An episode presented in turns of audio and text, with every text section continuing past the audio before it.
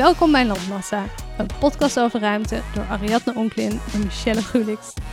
We bespreken met een nieuwsgierige, kritische blik de gebouwde omgeving in al zijn facetten. De zaken die ons opvallen, de personen en organisaties die dit vormgeven en de mensen die het beleven. Hey Michelle, Hey Ari, how you doing? I'm good, how are you? Ja, wel lekker. We hebben een, eh, een borrel-editie, hè? Ja, ik vind het, het voelt heel anders, want dit hebben we nog nooit eerder gedaan. Normaal gaan we altijd heel fris 's ochtends opnemen, maar kijk, ik denk dat een, een wijntje erbij en een eh, espresso martini die we net op hebben, Jam. ik denk dat het misschien wel wat kan doen voor de kwaliteit van ons gesprek. Wat Of denk jij? juist helemaal niet. Eh, we gaan het ontdekken. Misschien raken we na deze aflevering wel al onze volgers kwijt. Maar misschien ook niet. Ja. We hebben ons goed voorbereid, dus het Ja. komt goed. Ik ben echt op mijn best, denk ik, niveau twee wijntjes. Dus dan moet jij gewoon stop zeggen. Oké. En, de espresso martini, telt die mee? Nee, die telt niet Die mee. telt niet mee, nee. Het is een soort toetje. Wat hadden we net gegeten, Mich? Oh my. We hebben echt heerlijk eh, zitten snoepen. Want Roel eh, had ze gemaakt, toch? Ja, ja. Hij heeft scones gebakken. Ja. Hoe lief. En ze waren echt vet lekker. waren echt goed gelukt. Holtkamp, receptje. What? Het is een bijzondere avond. Scones met eh, espresso martini. Top combo. Ik vind het heel gezellig dat we hier nu zitten. Ik ook. Mega gezellig. Het is echt vrijdagavondje. Echt, hè? cheers. Heerlijk. Cheers. Cheers. Misschien moeten we even door de aflevering vandaag. Waar, eh, Ja, waar gaan we het over hebben, Mich? Nou, we beginnen met, eh, nou, eigenlijk heel verdrietig nieuws. Ja. Ehm, want eh, er is een grootheid binnen de Nederlandse vormgeving overleden. ja. Ehm, en verder ga ik jullie eh, mijn favoriete YouTube-tips delen. Ik denk dat eh, iedereen thuis zit en eh, zich heel erg verveelt. Dus ik denk dat iedereen daar ook heel blij van wordt. Ik werd er al heel blij van. Ja, toch? Ja, man. En ehm, nou, we hebben natuurlijk weer een kijkersvraag. Ik vraag dit voor een vriend. We hebben heel veel vragen binnengekregen. En we hebben gewoon natuurlijk de, de, de vraag die wij het allerleukst vinden, hebben wij eruit gevist voor jullie. En misschien gaan we volgende keer wel jouw vraag ook behandelen. Dus blijf ze insturen, de vragen. Blijf insturen. En dan hebben we nog een groot item vandaag, want we gaan het hebben over Instagram. Eh, wat is de invloed daarvan op architectuur? Wat levert het op eh, voor onze gebouwde omgeving? En voor al onze fans, we hebben ook een soort primeurtje, want we hebben voor het eerst een giveaway. What? Echt waar. En, Party, eh, party. maar dan moet je natuurlijk wel tot het einde blijven hangen, jongens. Even lekker blijven luisteren. We gaan je entertainen. En dan eh, kan je ook nog wat winnen. Eh, ik zou zeggen, let's go. Let's go!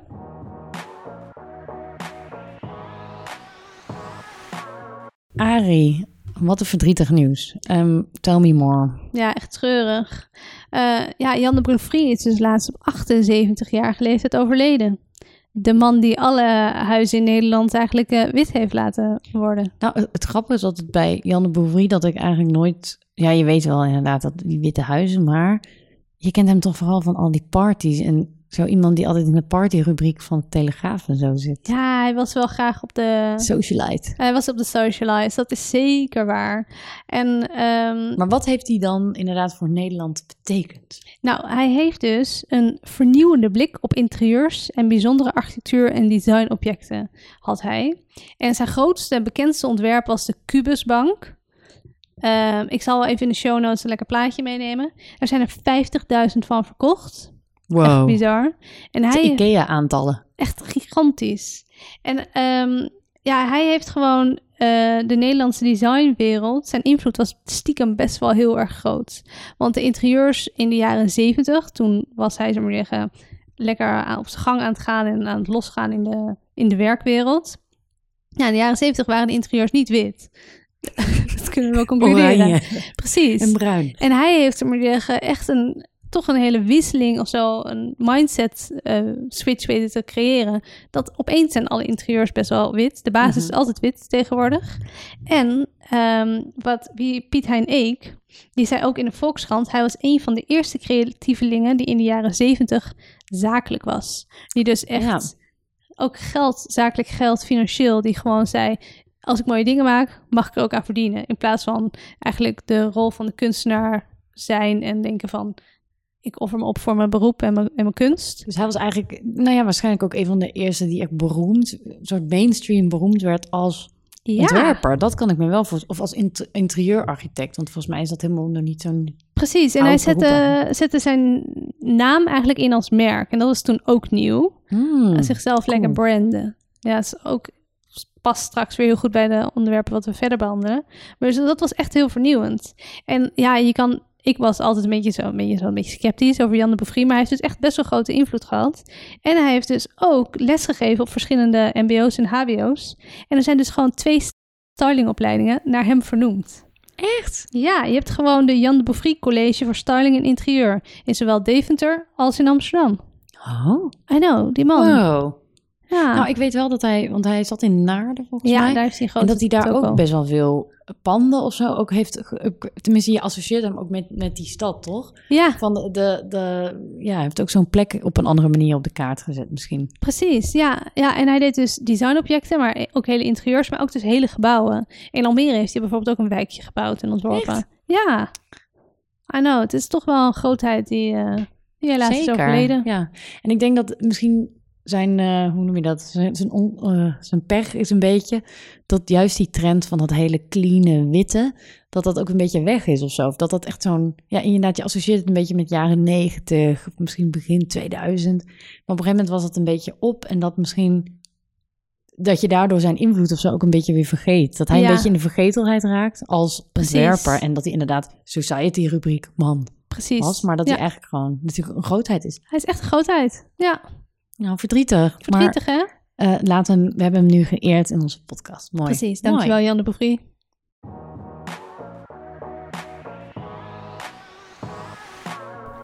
Hey um, Arie, eh, als jij nu aan het werk bent, thuis, we zitten allebei thuis te werken. En eh, ik ben best wel snel afgeleid, vaak. Jij ook? Nou, ik ben of heb ik een dag dat ik helemaal in de superfocus zit en dat ik gewoon opeens merk dat het vijf uur geweest is. Mhm. Of ik ben alleen maar afgeleid. Oh ja. nou, dan heb ik een tip voor jou op die dag dat je de hele dag afgeleid bent. Wat dan? Dat je toch je tijd heel nuttig kan besteden. Ach, op know. architectonisch gebied. Let Ik wil know. jullie namelijk eh, twee YouTube-kanalen aanraden. Waar je gewoon heel veel lol aan gaat hebben. Ehm, Vertel, vertel. Ja. Sorry, en voor alle architectuurfans. eh, nou, ik wil eigenlijk beginnen. Volgens mij ook onze populairste aflevering die we hebben gehad, is die over de A2. Tenminste, iedereen die ik spreek begint over de A2 en, en die Puccini. Ja. Dat was volgens mij dezelfde aflevering. Zelfde aflevering. Maar daaruit maak ik ook op dat onze luisteraars gewoon echt heel goed gaan op verkeer en mobiliteit en hoe dat is vormgegeven. Nou, dan heb ik het YouTube-kanaal voor jou. Er is namelijk een kanaal en dat heet Not Just Bikes. En dat is een YouTube-kanaal opgericht door een Canadees, gewoon een gast. En die woont eh, sinds kort in Amsterdam. Nou, sinds kort, een paar jaar denk ik. En ehm, hij maakt hele informatieve video's over hoe eh, het verkeer in Nederland is ingericht. En, en hoe de openbare ruimte is ingericht. Hij heeft het bijvoorbeeld over de fietsstraat.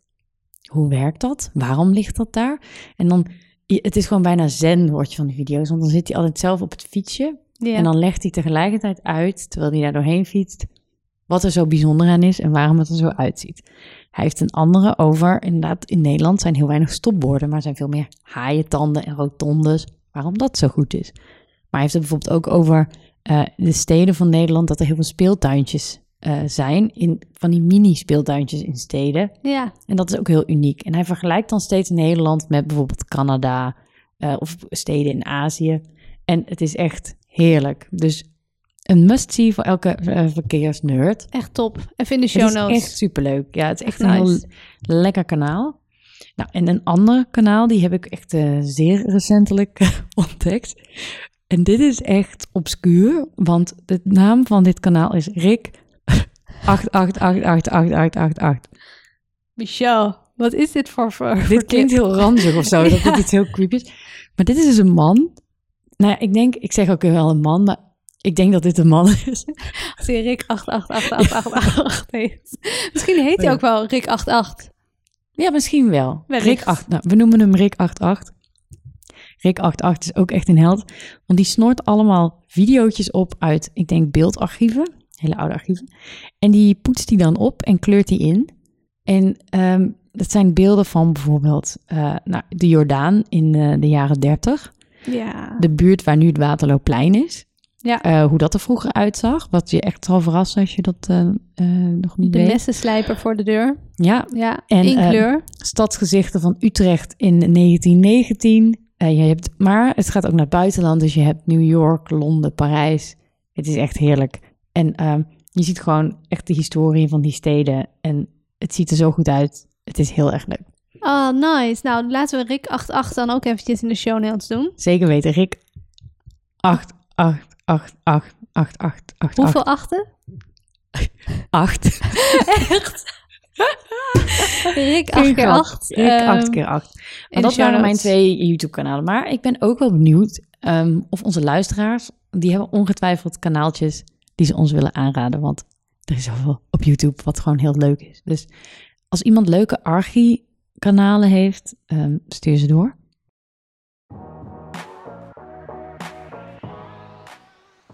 Ik vraag dit voor een vriend.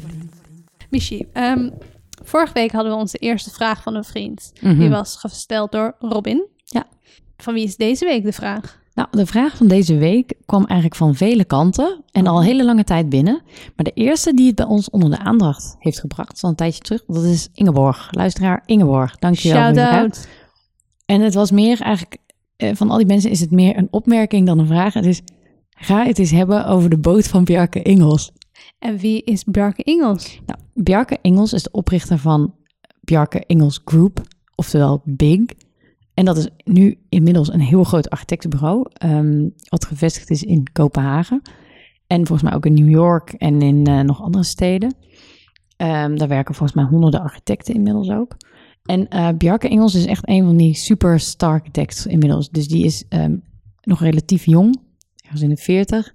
En die heeft gewoon, dit is de hipste architect die, er, die je nu kan, eh, kan hebben. Dus hij bouwt, eh, hij heeft bijvoorbeeld het Lego House gebouwd in, ehm, in Denemarken. En dat is eigenlijk een soort museum voor Lego. Maar dan wat eruit ziet als gestapelde Lego blokken. Ja, fantastisch. En hij heeft ook één beroemd project in Kopenhagen gedaan. Wat ik denk dat de meesten ook wel zullen Is het herkennen. die skipiste? Ja, die Ja, skipiste vet. op een oude energiecentrale. Ja. Nou, dat zijn echt van die iconische projecten. Nou, daar is hij bekend van. Hij heeft hier in Amsterdam, eventjes weer over Amsterdam, eh, heeft hij de nieuwe kantoor van Soet Supply ontworpen. Ja, en dat is een soort, ehm, ja, een soort doos, maar die eh, aan de ene kant een beetje rond is, een rondheld. Ja, een beetje is niet zo mooi. trapgewijs. Nou, ik vind het best wel mooi. Oh ja, hij staat hier vlakbij natuurlijk. Ja, Nou, ik ben niet zo... eh, maar hij komt ook bij Eiburg, komt een heel vet pand van hem. sluishuis. Sluishuis. En dat is een soort, ik noem het altijd een soort haaienbek is het. Ja, Dus je kunt er met je boot invaren en het is een soort hoekig pand. Heel het wordt cool. gigantisch. Het is echt enorm. Ja. Ja. Maar Bjarke Engels moeten we dus sowieso... Die moest een keer voorbij komen in onze podcast. Ja, hij is, hij is de architect van nu. Precies. Maar wat is dan de boot van Bjarke Engels? Nou, Ja, vertel. oké jongens. Bjarke Engels heeft het vetste huis wat je ooit hebt gezien op aarde. Waar die zelf in woont? Hij woont er zelf in. Het is een boot. Het is een oude veerpont. Oh, En ehm, ik ben dus even gaan uitzoeken, even alle details over die boot van Bjarke Engels. En de ongelofelijke timing was ook deze week dat er een soort heel groot beeldartikel is uitgekomen met heel veel foto's van dat prachtige schip. Dus die Oh, delen we natuurlijk in onze heerlijk. show notes. Ja, En je wordt helemaal gek. Even lekkere mooi. plaatjes kijken. Nou, ehm, eh, zijn boot heet de Bekkenbruse. Oh, love it, niet, love it. Dit is mijn interpretatie van, van de Deense taal. Van een Deense taal. Klinkt goed. Bekkenbruse, Ja, zoiets. Die boot is 33 meter lang. Dat is best wel best eh, lang. En het is een boot van bijna 60 jaar oud. Wow. Ja, 60 jaar oud. Dus nou ja, die heeft veel eh, onderhoud eh, eh, moeten hebben. En hij heeft dus inderdaad ook, hij heeft hem een aantal jaar geleden gekocht en hij heeft hem helemaal gerenoveerd. En, ehm, nou, en oké, in het artikel met al die foto's, daar heeft Bjarke Engels dus over hoe zwaar het was ook om soms die boot op te knappen. Maar dat natuurlijk- heeft hij toch gewoon uitbesteed? Ja, heeft hij natuurlijk uitbesteed. Maar oké, wil je even het meest... Stressvol? Vertel. Oh ja, trouwens, dit is ook nog even een side note. Dit staat ook, zijn zoon heet Darwin. Zijn baby. Het heet Darwin. Love it. Wat doet zijn vrouw? Is ook architect bij hetzelfde bureau. Oh my god, love it. Ja, eh, Hebben ze eh. elkaar ontmoet bij... Ja, volgens mij wel. Ja, oh, ja. nice.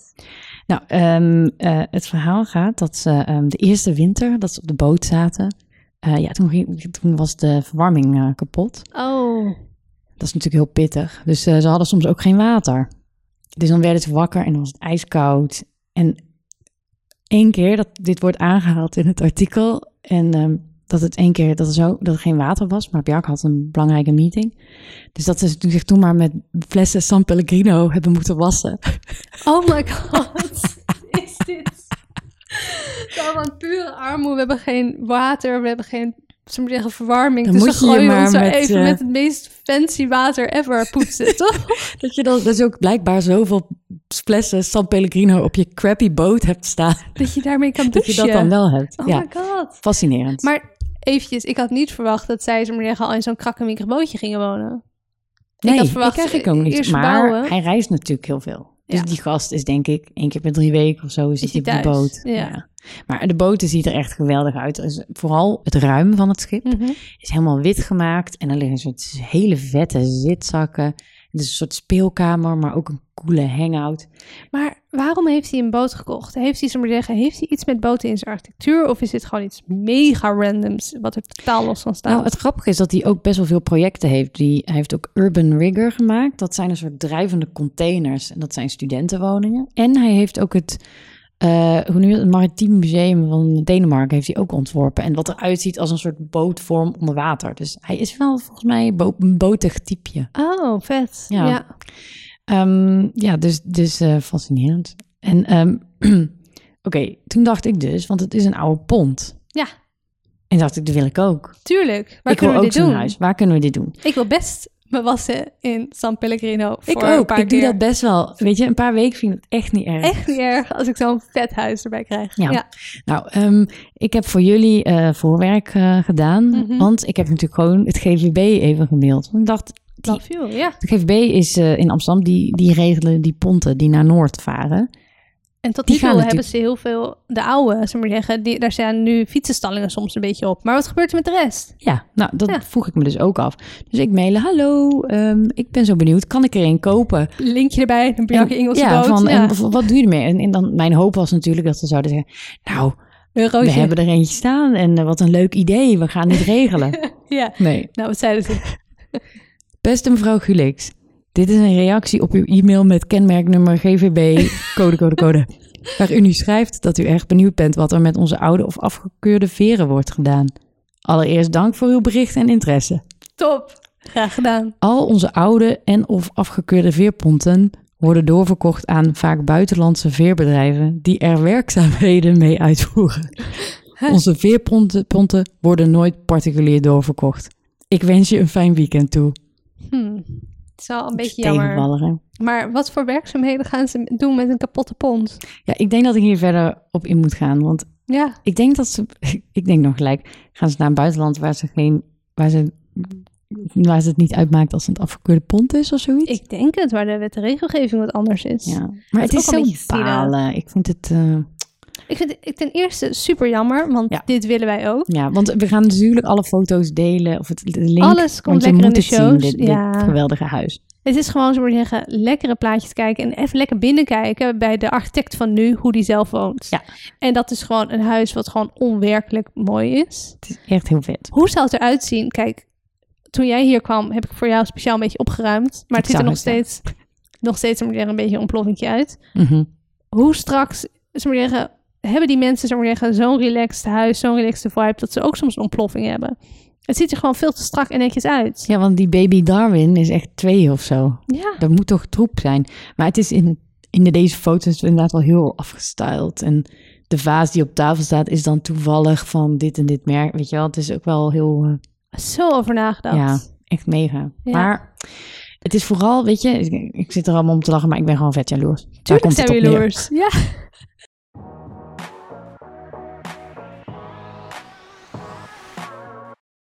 Hey Michel, Hey Arie. wat doe jij op 8 september dit jaar? Mm, mm, mm, mm, mm. 8 september. 8 september. Ik eh, was waarschijnlijk thuis aan het werk en een beetje eh, met de kat aan het rondhangen of zo. Je zat niet op, stiekem op Instagram? Waarschijnlijk wel. Waarschijnlijk ik zit wel. elke dag wel. Nou, ik kijk wel best wel veel op Instagram. Heb je ooit eh, de docu Social Dilemma gezien al? Ja, ja. Fascinerend. Oké, dan wil je ervan af, maar dan... Dit is net zoiets als... ehm, nou ja, dan kijk je het en dan denk je één dag... Oh, ik ga nooit meer op Facebook. En dan de volgende dag... na, na, Even na, op na, Facebook. Facebook. Ja. Ja, ik heb gewoon wel al mijn meldingen uitgezet. Dus allemaal pushmeldingen ja, heb ik ook heb ik allemaal uitgezet. Ja, want daar Ja, word je echt lijf van. Precies. Bizar. Wat voor invloed. Nou ja, Instagram. We gaan het erover hebben. Want Wat, ja, deed, ik op, wat deed ik op 8 september? Ehm, nou, dit niet lezen, want ik volg deze mensen niet. Maar op 8 september plaatste Kim Kardashian eh, op Instagram het persbericht dat de reality show Keeping Up with the Kardashians na 14 jaar en 20 seizoenen stopt. OMG. Shocking! Ja, en waarom is dit shocking nieuws? Een segue naar ons onderwerp. Dit is omdat we ons vandaag dus buigen over de invloed van Instagram op onze ruimtelijke omgeving. Nou, eerst even de basics. Wat is Instagram? Nou, zal ik het even toelichten? Doe, Super samengevat. doe dat. Het is een app waarmee je foto's en video's kan delen. Ja. Een social network service. nou, de app is in 2010 uitgevonden door twee gasten. Dus het bestaat precies tien jaar. bestaat precies 10 jaar. Een Kevin en een Mike. En die hebben de app in 2012 verkocht aan Facebook voor 1 miljard dollar. Mm, Die hoeven nooit meer te werken. die kunnen heel veel weerponten kopen. en Bjarke inhuren. en Pellegrino douches. Nee. Alleen maar. Gewoon standaard. Heerlijk. Ik denk dat Kim Kardashian dat ook doet. Dat denk ik ook, ja. ja. Zou ik ook doen. Nou, nog even, even. Ik ook. Laten we even, even, even, even heel kort over de Kardashians. Dat kan wel. Ja. Nou, de Kardashians zijn een familie van vijf zussen. Je hebt Kourtney, Kim, Chloe, Kendall en Kylie en nog een broer Rob. En je hebt de moeder natuurlijk. En je hebt de moeder. Hoe heet die ook weer? Eh, Chris. Chris. En ik heb het fascinerend. Ik heb het hele programma nooit gezien. En ik weet wel al die namen. Dat is bizar, ja. Ja. Oké, ze zijn dus ooit gestart met een reality show. Dat is een concept wat ze zeker naar een hoger level hebben weten te tillen. Mhm. Maar er wordt vooral gezegd dat ze Instagram groot hebben gemaakt. Ze hebben het concept van celebrities are their own personal brands op de kaart gezet en ook volledig eigen gemaakt. Dus ze hebben zichzelf als merk weten te evalueren op Instagram van het nemen van selfies tot het genereren van verkoop voor zichzelf en voor gesponsorde producten. En er wordt dus gezegd dat Kim voor één post een miljoen dollar verdient. Damn. Ja, het is bizar. Dat halen wij nog niet met landmassa. Nog niet. Life goals. Bijna, Life bijna. goals. maar ze zijn dus eigenlijk best wel heel erg slim.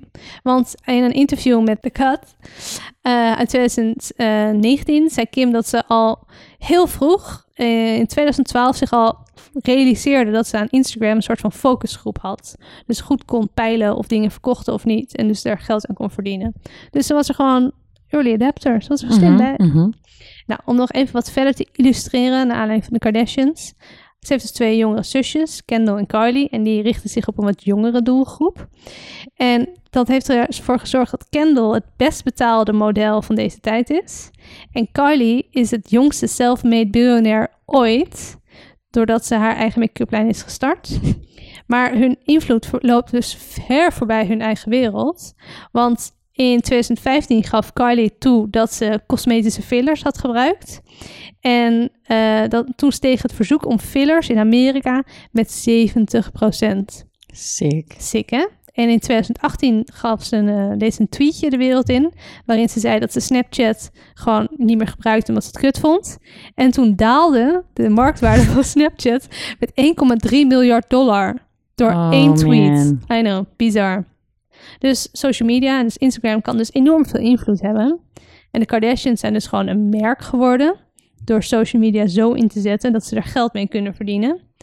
En deze tool om een merk succesvol te maken, deze Instagram, wordt dus ook heel goed gebruikt om architectuur te verkopen, of niet, Mich?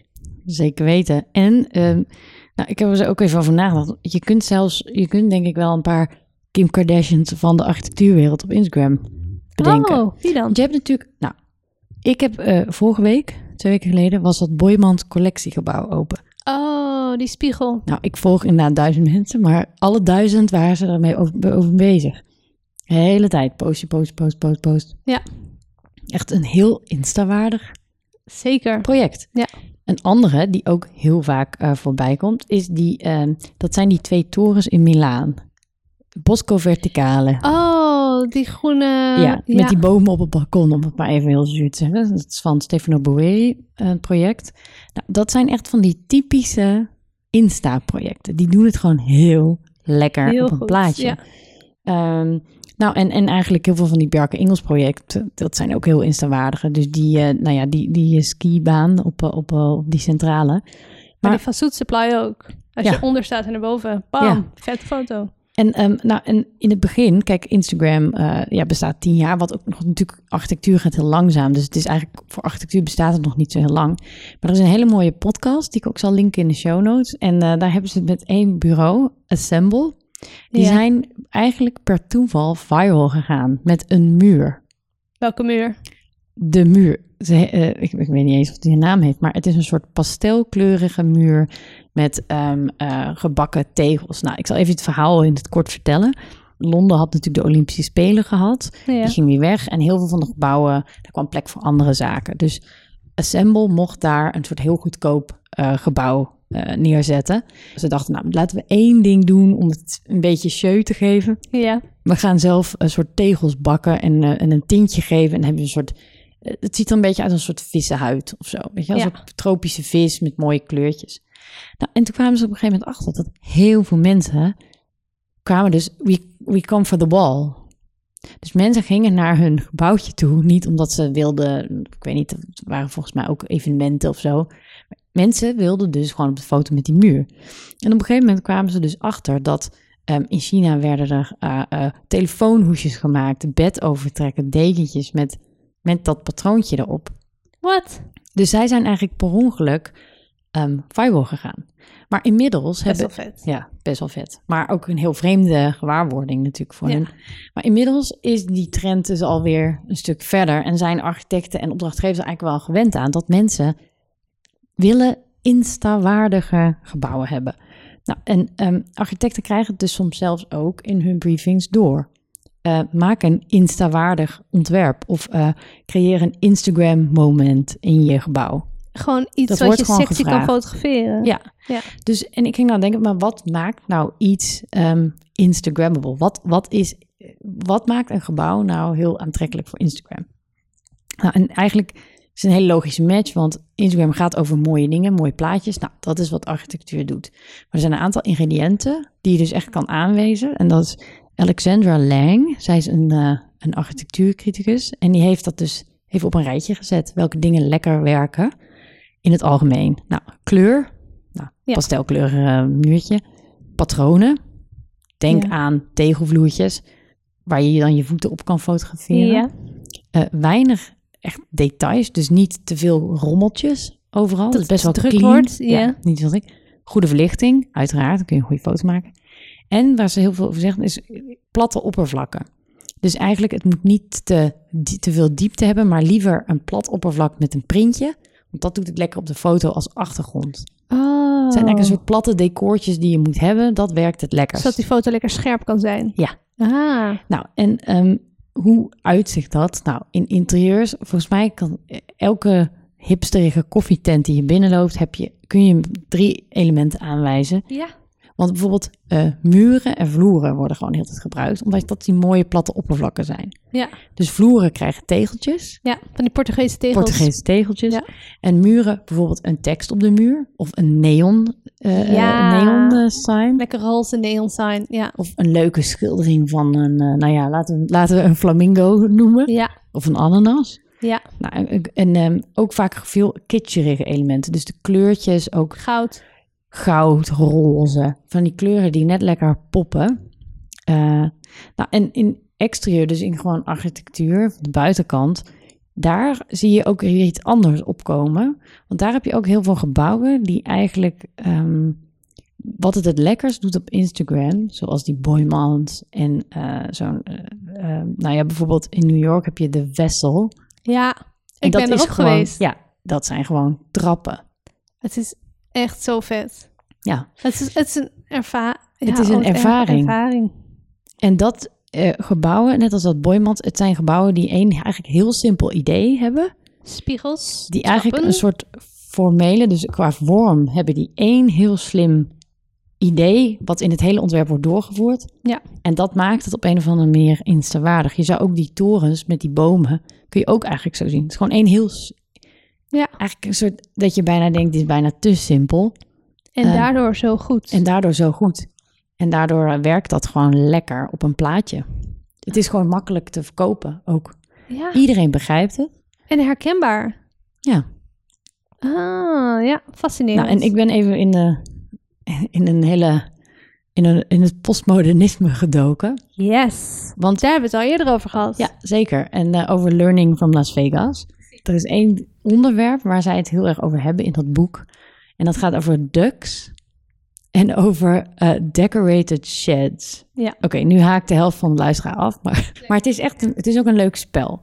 Want zij geven aan, zij zijn eigenlijk de, de auteurs. Zij, hebben een, zij waren eigenlijk de eerste die een beetje de niet-modernistische architectuur onder de aandacht brachten. Dus ze hebben een heel onderzoek gedaan in Las Vegas naar hoe zit die stad in elkaar en die architectuur. En Omdat Eh. Las Vegas in die tijd heel erg anders was dan de gangbare architectuur. precies, Ja. ja die, dan die grote gokhal. En het is echt heerlijk om te lezen ook, want het is gewoon super interessant. Inderdaad, van eh, hoe werkt het met een, hoe zijn die gebouwen opgebouwd?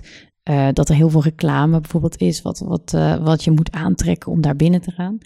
En ze noemen één aspect, en dat zijn dus ducks en decorated sheds. Ducks, dat zijn gebouwen die één idee hebben, wat dus helemaal is doorgetrokken in het hele pand. Ja. En wat eigenlijk heel, een, sy- een symbool is. Dus een gebouw is een symbool. En het heet een duck, omdat ze één voorbeeldje hebben gevonden van een eh eenden-eieren kraampje. Wat helemaal is vormgegeven als een eend. Super slim. Super slim. Dus dat is hem een gelijk. duck. Ja. Het alternatief van de duck is de decorated shed. Ja. En dat is eigenlijk gewoon een vorm of een, een gebouw waar dingen zijn opgeplakt. Zo noem ik het maar even. Ja. En ehm, zij geven dan als een voorbeeld een winkeltje, wat gewoon een winkel is, maar dan met een bordje shop erop. Dat is eigenlijk een decorated shed. Zo zou je het heel simpel kunnen En heb je, heb je een architectuurvoorbeeld in Nederland? Eh, nou, goede vraag. Ik zit even te denken. Ehm, Misschien de... Als je kijkt naar bijvoorbeeld de OBA. Daar staat op Ja. OBA, maar het is niet herkenbaar als een bibliotheek. nee, het is niet dat het vormgegeven is als een boek of zo. Of dat je. eh, nee, klopt. Dat is eigenlijk wel. Ja, volgens mij is dat een decorated shed. En toen dacht ik, bijvoorbeeld die trappen in New York, die vessel, dat is gewoon één simpel idee. Het is gewoon een fucking trap. Ja. Het is een ultieme duck. Ja. Zo'n Boymans collectiegebouw is Ook. één groot symbool. Het is gewoon Ja. één duck. En ik dacht, dat zijn echt die projecten die nu supergoed... eh, dat zijn gewoon ook de instawaardige projecten. Ja. Is een beetje mijn theorie. En Kunnen dan- we nog meer bedenken? ja, nou, het is best wel een leuk spelletje dus. Ja. Ik had er nog meer opgeschreven. Nou, eh, waar we net over hadden, Bjarke Engels. Dat Lego House. Helemaal. Een Lego museum in de vorm van Lego blokken. Nou, dat is gewoon de ultieme duck. Ja. Nou, het is echt je is kunt hier dus, dit is echt leuk. Maar je kunt wel herkennen dat die ultieme ducks zijn de knallers op Instagram. Omdat het een simpel idee is en je liked het. Dit Ja. is mijn... eh, Oh, goede theorie. Oh, maar ik ben heel benieuwd. Luisteraars, stuur even wat door. Wat jij denkt wat een duck is en wat een chat is. En met ja. een beetje Was voorbeelden. het een beetje duidelijk? Want het is best wel een ingewikkelde Ja, ik snap hem. topic. Oké. Maar die ducks haal je dan zo snel, zeg maar... Hebben we nog meer duck voorbeelden? En eh, het museum De Fundatie. Is dat dan een duck of een chat? Ik denk een shed. Waarom? Omdat het niet... Het is niet het hele... Nou ja, het hele gebouw is eigenlijk een symbool. Ja, Misschien is wel een, een eh. Maar ja, het is natuurlijk zo'n aanbouw op een bestaand gebouw. En wat vinden zij als in dat boek als voorbeeld voor Las. Vegas dan? Als voorbeeld, we zeggen, zijn het allemaal ducks? Of zijn het ook allemaal chats? Of wat? Nou, dat is het grappige. Ze houden het zelf eigenlijk, vind ik, als je het leest, best wel in het midden. Dus het is eigenlijk het is gewoon een spel. Maar als het een echte duck is, dan herken je het gelijk. Ja. Dit is heel erg leuk. Ik hoop dat de luisteraars nu om zich heen gaan kijken en denken, Nou, is dit een duck of een chat? Ja, en sinds ik dit dus heb gelezen, doe je dat dus de hele tijd. Heel nice. Maar het is heel interessant. En het is best een ingewikkeld Ja. iets. Ik zal ook een linkje, de, de, ik heb ook een website gevonden wel, waar ze heel veel ge- gebouwen en dan is het de duck of is het de chat? En meestal kunnen ze het allebei zijn. Ja. Maar het ligt gewoon aan je argumentatie of aan hoe je het ziet. Maar ehm, Oh, leuk. Ik heb wel van de Boymansen en dat de echt, die- je hebt een aantal projecten dat zijn gewoon duckies. Ja. Oké. Maar eh, in ieder geval, dat is dus even mijn theorie over wat die instawaardige, de meest instawaardige architectuur is. Dat zijn de ducks. Nice. En er zijn ook, maar als je nou echt helemaal in je, handen in het haar zit, jij bent architect en je luistert naar deze podcast, je denkt, ja, maar ik wil gewoon tools. Ja. Ik wil gewoon Instagrammable dingen maken. Nou, geen vrees. Er zijn gewoon bureaus en die adviseren eh, architecten hoe ze hun, hoe ze hun ontwerpen Instagram Niet. Insta-waardig maken. Ze nemen een architect, gaan zijn handje vasthouden om Ja. te helpen met ontwerpen. En eh, er is één bureau en die hebben gewoon een boekje gemaakt wat, waarin architecten alle tips krijgen. Dus ik doe wel het linkje erbij, dan kun je dat boekje kopen. En voortaan maak je zo super ducks. Maar wat dus eigenlijk dan weer een heel positief iets is, wat ik er ook wel in zie, is dat je moet laten zien dat jouw gebouw leeft. Ja. En dus dat ik denk meer dan ooit in de tijd voor architectuur dat die eindgebruiker die bepaalt nu eigenlijk hoe een gebouw, eh, eh, ja, die heeft zoveel invloed op hoe een gebouw wordt ontworpen. En, en hoe die in de markt wordt gezet. En wat, weet je, Wow. er wordt veel meer geluisterd naar dat soort geluiden. Dus, en, En- dat is ook wel iets positiefs, denk ik, voor de architectuur. Ja. Maar ehm, Instagram, nou, tot zover, zeg maar, hoe het architecten beïnvloedt. Maar ik merk ook in de stad komen er ook nieuwe dingen op. Gewoon door Instagram. En jij hebt dat volgens mij helemaal uitgeplozen. Ja, ik heb mijn best gedaan. ja, wat ons gewoon opviel, is dat er steeds meer Instagram-musea oppoppen. Niet te doen. Niet te doen. Het begon denk ik met het MoCo Museum, Museumplein. Ja. Je hebt nu Upside Down bij Anna Nushin. En je hebt er nog meerdere. Je hebt Je hebt het museum. Museum. Je hebt het Ice Cream Museum in New York bijvoorbeeld. En Upside in San Francisco. Daar heb je ook Oh, dat is, ja. Daar heb je ook een Upside Down. Ja, en je hebt nu in Amsterdam-Noord het Next Museum. Mhm. Ja, Maar dat is echt zo'n digitaal, maar ook zo'n ervaringsding. ook ervaring. En ik was ook afgelopen weekend naar Big Art. Ook grote Ja. kunstwerken. Nou, ja. Eh, ja, nou, of dat dus. Maar ook dat musea zich zo erg inzetten eh, op het gebruik van social media. Zeker. Dat bijvoorbeeld Museum voor Linden, daar hadden we Ja. het over. Hadden we laatst over dat die op de posters, net zoals dat de architecten dus mensen op de foto bij hun gebouw willen zetten als er een foto wordt gemaakt, dat die Museum voor Linden foto's, posters verspreidt als reclame door de stad van hun kunstwerk, maar er altijd iemand naast zet. Ja. En dat je denkt van, oh, ik wil daar staan en zo het kunstwerk beleven. Het werkt zo goed. Ja, het is niet meer een foto van een beeld, maar altijd een mens die of een mens dat Ja. een foto maakt. Ik doe het ook, want Ja. ik doe ook marketing inderdaad voor een, een culturele instelling. En dan, eh, ik heb één zo'n foto inderdaad van de dame die een foto van een kunstwerk maakt. En dat, ja, die moet je gebruiken. goed. Dat werkt gewoon goed. Mensen Ja, willen dat. of Mensen willen een foto kunnen maken. Ja, nou, wat is nou aan de hand met die kunstervaring van tegenwoordig? Ja, Ik heb me er voor jullie even in verdiept. thank you. Het was leuk. Nou, volgens, de, volgens Tate, het museum in Londen, is onze kunstenares Yayoi Kusama, Oh ja, 91 jaar, de grondlegger van hoe we nu naar kunst kijken. En kunst ervaren en de kunst van nu eigenlijk. want zij maakt die grote pompoenen en van die ervaringsruimtes met... Ja, ja, precies. Die grote Balletjes. pompoenen met allemaal stippen erop. Mhm. Ja, en ze maakte ook de Infinity Mirror Room. eh, waar onder andere zangeres Adele, die heeft daar lekker een liedje in opgetreden. De When We Were Young heeft ze in die ruimte gedaan. Nou ja, eh, deze kunstenares die is een Japanse beeldhouwer en installatiekunstenares. En ehm, ze is best wel badass. Ik neem hem even op in de show notes. 91 jaar. Er is een docu'tje volgens mij op eh, NPO gemist. Of hoe heet dat? Start? NPO Start. Ja. Ja. Ja. ze is echt cool. Leuk. Nou, waarom is deze Kusama nou onbedoeld, want het onbedoeld, de grondlegger van de kunst van nu en de manier waarop wij nu naar kunst kijken en deze beleven? Dat komt omdat ze in de jaren 60 startte in New York, in de vorige eeuw, de jaren 60, in New York in een voornamelijk mannelijke kunst zien. En wilden ze daar voet aan de grond krijgen, moesten ze zich onderscheiden, ja, zich onderscheiden. En dat deed ze door gebruik te maken van self-branding. Eigenlijk net zoals de Kardashians nu doen. Toch? Ja, zij is een Ka- Kardashian af alle letteren. Eigenlijk wel, ja. maar volgens uh, Tate had ze één ding echt heel goed in de gaten. En dat is hoe graag we naar onszelf kijken. Ja, zeker. Echt, wat een heldin. Nou, Slim. musea moeten door steeds eh, verder terugtrekkende overheidssubsidie op zoek gaan naar een manier om bezoekers te trekken. Mhm. En hiervoor kijken en leren ze van de opkomst van het tussen haakjes zoeken nu ervaringsfenomeen. Mhm. En dat is de afgelopen vijf jaar uit de marketingwereld overgeslagen, zo op de kunstwereld. En dan specifiek ervaringen die dus worden gedeeld via Instagram en social media. Facebook of weet ik wat, Twitter. En ehm, je hebt dat Dirk van den Broek Museum in... ehm, Nou, ik vind de Pont is ook zo eentje, want die doen dat ook slim.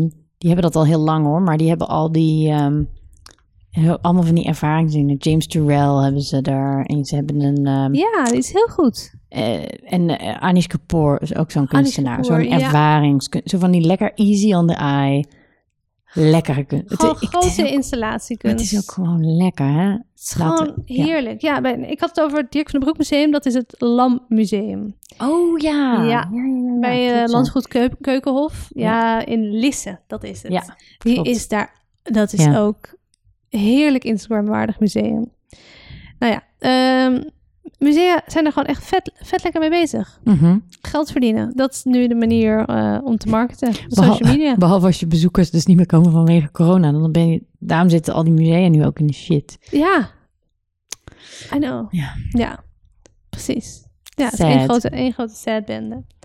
Nou, ook is opmerkelijk dat volgens onderzoek van Culture Track de definitie cultuur steeds verder verbreedt. En dat zien we dus aan het oppoppen van niet-traditionele musea, dus de Ja. Instagram-musea. En dat zijn voornamelijk eh, ruimtevullende interactieve installaties en decors die dus bijzonder fotogeniek zijn. Ja. Ehm, en bezoekers creëren dan content door onderdeel te worden van die installaties, en selfies te maken en dat dan te delen voor die plek. Dus een soort van Ja. gratis reclame. Ja, het is super slim. Super slim. Ik was ehm, in Tilburg in Dolores Maze. Jij bent daar ook geweest. ja. Dat is een ervaring. maar die houden ze maar zeggen, daar mag je je telefoon niet meenemen. Nee. En dat is ook best raar. Dat is heel raar, want ze willen niet dat je de ervaring van andere mensen verpest door foto's te delen. En dat is dus eigenlijk Ja. weer omgekeerde marketing. Ja, dat is van hyper exclusief. En je moet er zijn geweest. Precies, ja. Ja. Nou, vond ik interessant. Nou, filosoof en schrijver Maarten Doorman zegt in een interview over Instagram, musea en parool... De term museum is slim gekozen, want die suggereert dat het niet om domme ijdelheid gaat, maar dat je je verhoudt tot echte cultuur. Je ziet ook dat echte musea hier plaats voor inruimen. Zoals de katholieken vroeger door Maria tot God kwamen, zo komen de jongeren nu door Instagram tot kunst. Wauw. Ja, maar het is wel, hè, van... Ik denk als zo'n Kusama of zo, dat is inderdaad superleuke kunst. Heel En dat toegankelijk. zwembad in Voorlinden, ja. Eh, ja, ergens het ook als je daarmee dan toch net iets meer gaat interesseren voor kunst en voor musea. Ja, Alleen maar handjes op elkaar, toch? ja. eigenlijk wel. En hij zegt ook, de mens is altijd ijdel geweest. Altijd. Ja. En deze generatie is dat niet meer dan de vorige. Maar deze generatie heeft Instagram. En de Precies. technologie die dat faciliteert. En als de generatie voor ons dat had gehad, hadden ze dat ook gedaan. Zeker weten. Dus nou ja, dat eh, vond ik interessant. Nou, Mhm. Dan eindigt hij met ehm, eh, de tekst. De Duitse filosoof Arthur Schopenhauer zegt dat wij voor onszelf de hoofdpersoon zijn in ons eigen drama en altijd figurant in dat van de ander. Nu doet zich dankzij Instagram een nieuwe kans voor om onze hoofdrol vorm te geven. En Instagram biedt ons publiek en de techniek om onszelf overtuigend te construeren. En eh, ja, daar maken we dus allemaal met z'n allen goed gebruik van. Zeker weten. En we, we leven dus eigenlijk heel erg in een beeldcultuur. En dat visuele kan decor, wat dus super sexy architectuur is, maar ook van de Instagram musea en ook dus van die vette installatiekunstwerken, die faciliteren dat gewoon. Zo'n fucking grot van Plato, jongen. Echt hè? wow, het is zo, zo'n groot Ja, onderwerp. het is heel grappig. Hè? Het is echt... Nou, ik vind ook interessant wel die musea dan, die Instagram musea, dat ze ook museum heet. Maar eigenlijk is het... Het Ja. zijn gewoon decorstukken. Eigenlijk is het een soort meer een studio. Een soort tv-studio of zoiets. Eigenlijk Waar je wel. je eigen film op... Of nee, je eigen film, je eigen foto. Een soort fotostudio Je speelt je eigen iedereen. model. Ja. Je bent je bent het model in je eigen leven. Ja, het is best wel cool. Nou, ik had dus twee vriendinnen. Die zijn... ehm, eentje is naar Upside Down geweest. En de ander is naar Next eh, Museum geweest. En eigenlijk... Die van Upside Down, die, was, die zei ook zo van... Ja, ik was daar en ik was een beetje zo van... eh, wat doe ik hier? En toen uiteindelijk zei ze, eigenlijk was het best wel cool. Het was gewoon een vette ervaring. En die van Next, dat museum, ze zei ook, eigenlijk was het ook best wel vet. Ja. Het is gewoon zo duur, dat vind ik. Oké, ja, ik heb het ook opgezet. 25 euro. Ja. Oké, ik heb een Groupon deeltje gevonden Echt? van de week. Oh, nice. Maar ik, kreeg, ik wilde heen gaan, maar niemand wil mee. Want dat is het ook wel. Van, je merkt dat het hier ook heel erg dat high culture en low culture. Van, inderdaad, niemand om mij heen wil naar zo'n museum. Van, oh, de meeste mensen zeggen van, oh, dat ga ik echt niet. Nee, dat kan maar toch niet. stiekem, in een- Ik ben wel benieuwd. Ja, zeker. En ik denk dat stiekem de mensen die allemaal nee, nee roepen en die wel een leuk vet muurtje tegenkomen onderweg, of eh, in Voorlinde maar zeggen, even te poseren staan in dat bekende zwembad. Ja, ja. Eh, ja, het is gewoon. eh, het wordt nog niet helemaal serieus genomen. High en low, inderdaad, culture. ja. Ja, Maar misschien op een gegeven moment gaat dat ook steeds meer samenvallen. Dus het is niet zo dat het nu, dat we ineens in een soort nieuwe tijd zijn. Het is gewoon allemaal wat feller. sneller. De knop is wat, hard, wat, wat, wat meer opengedraaid, zeg maar. Ja, en wat meer eh, in your face en toegankelijker. Want Ja. we, allemaal, we hebben allemaal die app. Dus eigenlijk, ehm, ja, ik, vind, ik ben benieuwd hoe die Instagram-musea, zeggen, door deze coronacrisis heen komen. Ik ben ook benieuwd. En ik ben benieuwd wat Instagram nog meer eh, voor invloed op ons leven gaat hebben. Ja, zeker weten. Het, het is echt, eh, ja, ik, ik wil het ook wel zien. En ik ben benieuwd, ook zeker met architectuur van, want je ziet dat die architectuur is natuurlijk best wel traag. Ja. Duurt, eh, duurt een paar jaar voordat je een groot gebouw bouwt. Ik denk dat we pas echt over vijf jaar, vijf tot tien jaar, pas echt gaan zien wat Instagram-architectuur nou echt is. En misschien staat dan heel Nederland vol met, met ducks. Ja, wellicht. Nou, Met alleen maar conceptdingetjes. het zou wel vet zijn. Even afwachten. Eigenlijk wel. We hebben dus een, ehm, iets dat aansluit bij dit onderwerp, hebben wij dus gewoon een giveaway. Wij hebben dit onderwerp, zullen we zeggen, uit onszelf gekozen. En toen bleken we dus ook heel erg op de actualiteiten te zitten, omdat Instagram toen opeens tien jaar bestond. Mhm. En toen bleken we nog meer op de actualiteiten te zitten, omdat er een boek is uitgekomen afgelopen week. Die gaat over hoe de kunst, de, zeggen, de beschouwer naar kunst kijkt. En dat is geschreven door Johan Idema. En he- de uitgeverij, BIS uitgever, die eh, is zo lief geweest om ons eigenlijk een soort van te sponsoren en ons een boek te geven als een giveaway. Ja, het is echt heel tof. Het heet A Spectator is an Artist Too. En ik denk het is echt wel, het is superleuk om te lezen. Ook zeker als je in de culturele sector werkt of in de architectuur. Gewoon hoe mensen in een museum, hoe dat, eh, hoe dat is veranderd. Van hoe mensen met kunst omgaan en met hun omgeving.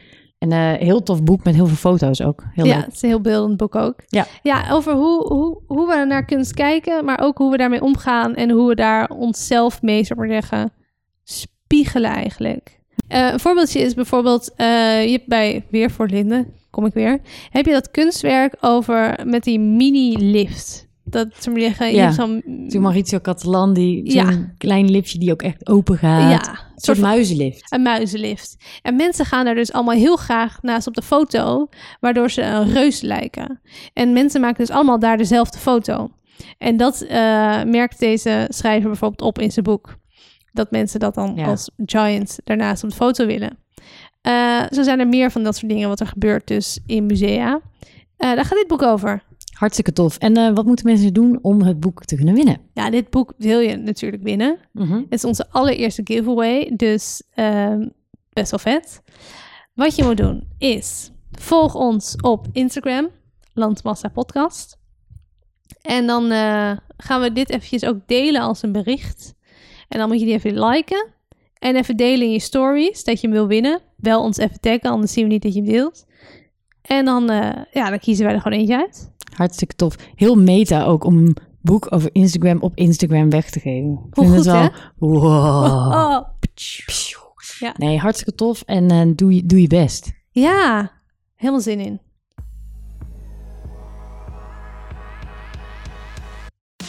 Ja, dank voor het luisteren weer. Eh, ik denk volgende maand zijn we er weer met weer een nieuw onderwerp. Heb je een vraag voor ons voor het item Ik vraag dit voor een vriend? Stuur hem naar landmassapodcast.gmail.com Of je kan ons eventjes ook een DM'tje sturen via de Insta. Ehm, ja, En volg ons even op Spotify, op Apple Podcasts of welke andere podcast app dan ook. En op Apple Podcast geef ons even een leuke recensie, jongens. vijf sterren. Vijf sterren. Vijf sterren. En een leuk zinnetje van jullie zijn zo leuk. Ja, alvast heel veel dank. shout-out naar jullie. Landmassers, landmatties, hoe noemen we ze? Landmasseurs, Landmasseurs. Heel veel dank. landmatrozen. Landmatrozen. Dat is wel een Hmm. goeie. Hmm. Nou, ik denk na, hebben ze ideeën. na 5 mei komt daar vast nog meer uit. Vast. Nou, tot, eh, tot de volgende. Later. doei!